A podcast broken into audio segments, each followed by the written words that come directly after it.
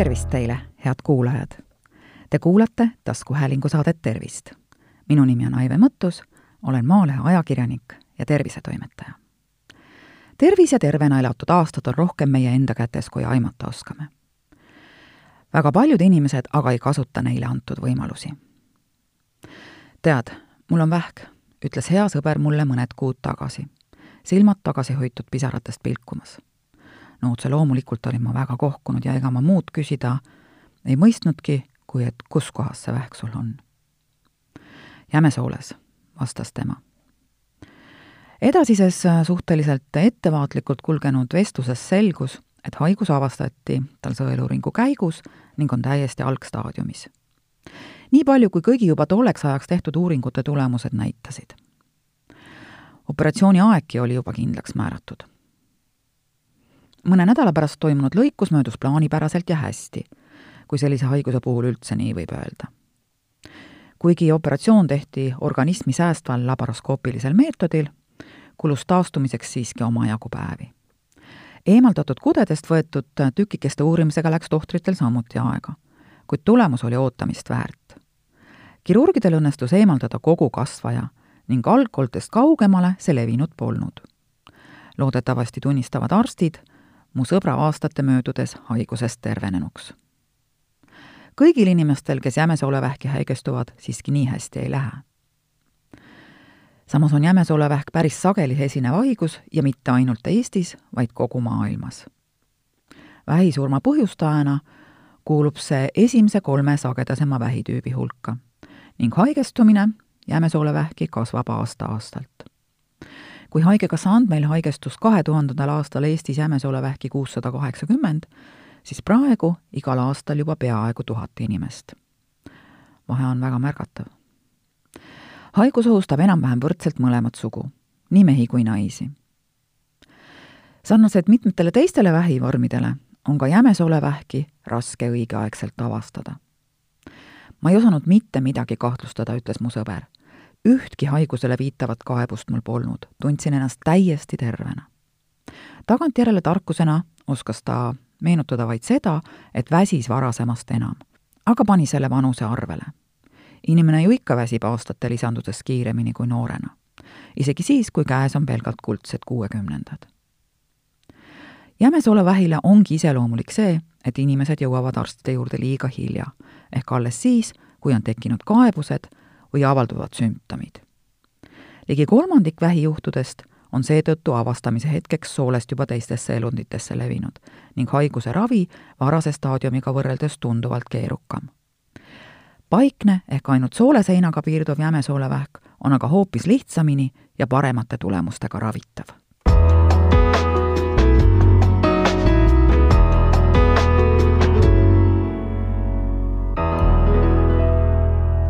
miks jämesolevähk üldse tekib?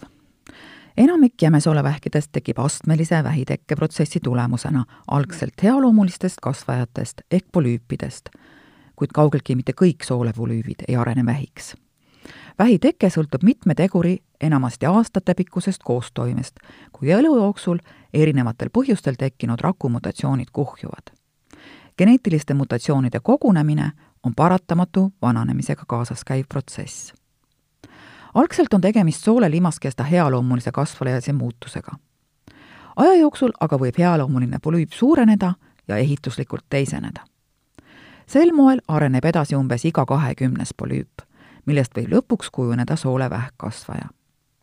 arvatakse, et vähieelsete muutuste tekkest kuni vähi väljakujunemiseni kulub vähemalt kümme-viisteist aastat.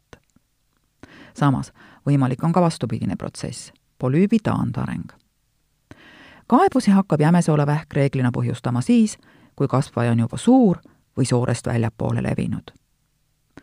jämesoolevähi iseloomulikeks sümptomiteks on veritsus pärasoolest, muutunud sooletegevus, kõhukinnisus, aeg-ajalt tekkiv kõhulahtisus, valulik pakitsus, tugev roojamis- või urineerimisvajadus. inimene võib tunda ka kõhu- või seljavalu. tema vereanalüüs võib näidata kehvveresust ning mõnikord juba väga suure kasvaja korral võib katsudes kõhus moodustist tunda. jämesoole vähile on iseloomulik see, et ta tekib aeglaselt ning suhteliselt pikk nii-öelda peiteperiood pakub hea võimaluse kasvaja varaseks avastamiseks.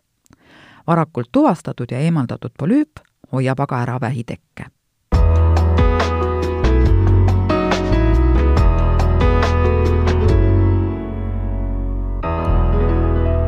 mida peaks teadma jämesoolevähi sõeluuringust? eelkõige seda, et see on efektiivne. sõeluuring võimaldab avastada jämesoolevähki varasemas staadiumis või enne selle tekkimist, see tähendab vähieelses seisundis, kui inimesel on sooles väikese või suure riskiga polüübid. enamikus riikides kasutatakse sõeluuringu meetodina peitveretesti, mille abil saab avastada roojas leiduvat verd koloskoopia ehk jäämesoole uurimine torukujulise videokaameraga varustatud instrumendiga võetakse appi vaid positiivse peitveretesti vastuse korral. Eestis osalevad jämesoolevähi sõeluuringus kuuekümne kuni kuuekümne üheksa aastased ravikindlustatud inimesed iga kahe aasta tagant. tänavu, siis kahe tuhande üheksateistkümnendal aastal kutsutakse sellele sõeluuringule tuhande üheksasaja viiekümne kolmandal, viiekümne viiendal, viiekümne seitsmendal ja viiekümne üheksandal aastal sündinud ravikindlustatud mehed ja naised. sõeluuringus osalejatele saadetakse rahvastikuregistris olevale aadressile posti teel perearsti nimel kutse ning sõeluuringus osalemiseks vajaliku väljaheiteproovi võtmise komplekti saab inimene kätte oma perearstikeskusest. komplektis on proovinõu, infomaterjal, ankeet ja makstud vastusega ümbrik, millele on trükitud labori aadress. proovi võtab inimene kodus ning saadab selle siis posti teel laborisse. ja nagu öeldud, proovi saatmisega talle mingeid kulutusi ei kaasne. peitveretesti saab teha ka muide sõeluuringu väliselt ja selleks ei pea üldse sõeluuringu sihtrühma kuuluma. kas me saame haiguse teket kuidagi mõjutada? seda kuidagi ära hoida? nagu öeldud, on jämesoolevähk aeglase ja astmelise tekkega. risk haigestuda suureneb vanuse kasvades üheksakümmend protsenti haigusjuhtudest leitakse üle viiekümneaastastel inimestel. kõige enam diagnoositakse jämesolevähki esmakordselt aga üle seitsmekümneaastastel. lisaks vanusele on jämesolevähi olulised riskitegurid toitumisharjumused. eelnevate healoomuliste jämesoole kasvajate ehk polüüpide olemasolu, jämesolevähi esinemine lähisugulastel ning ülekaalulisus.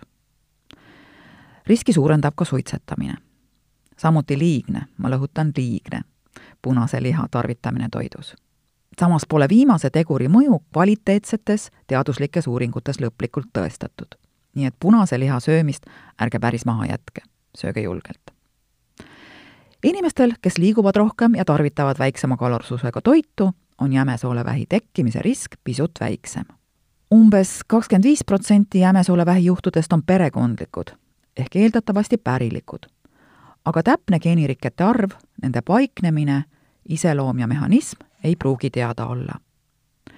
vaid umbes kahel kuni viiel protsendil juhtudest on tõestatud, et haigus on tingitud konkreetsetest geenimuutustest.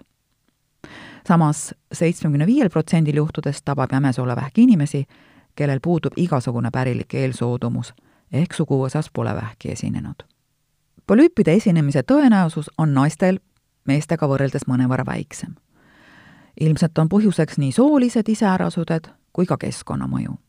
meestel kipub olema rohkem kahjulikke harjumusi, nad on keskmisest vähem terviseteadlikud, pööravad endale vähem tähelepanu ja pöörduvad hiljem arsti poole. väga oletuslik on kogu asjas hormoonide roll.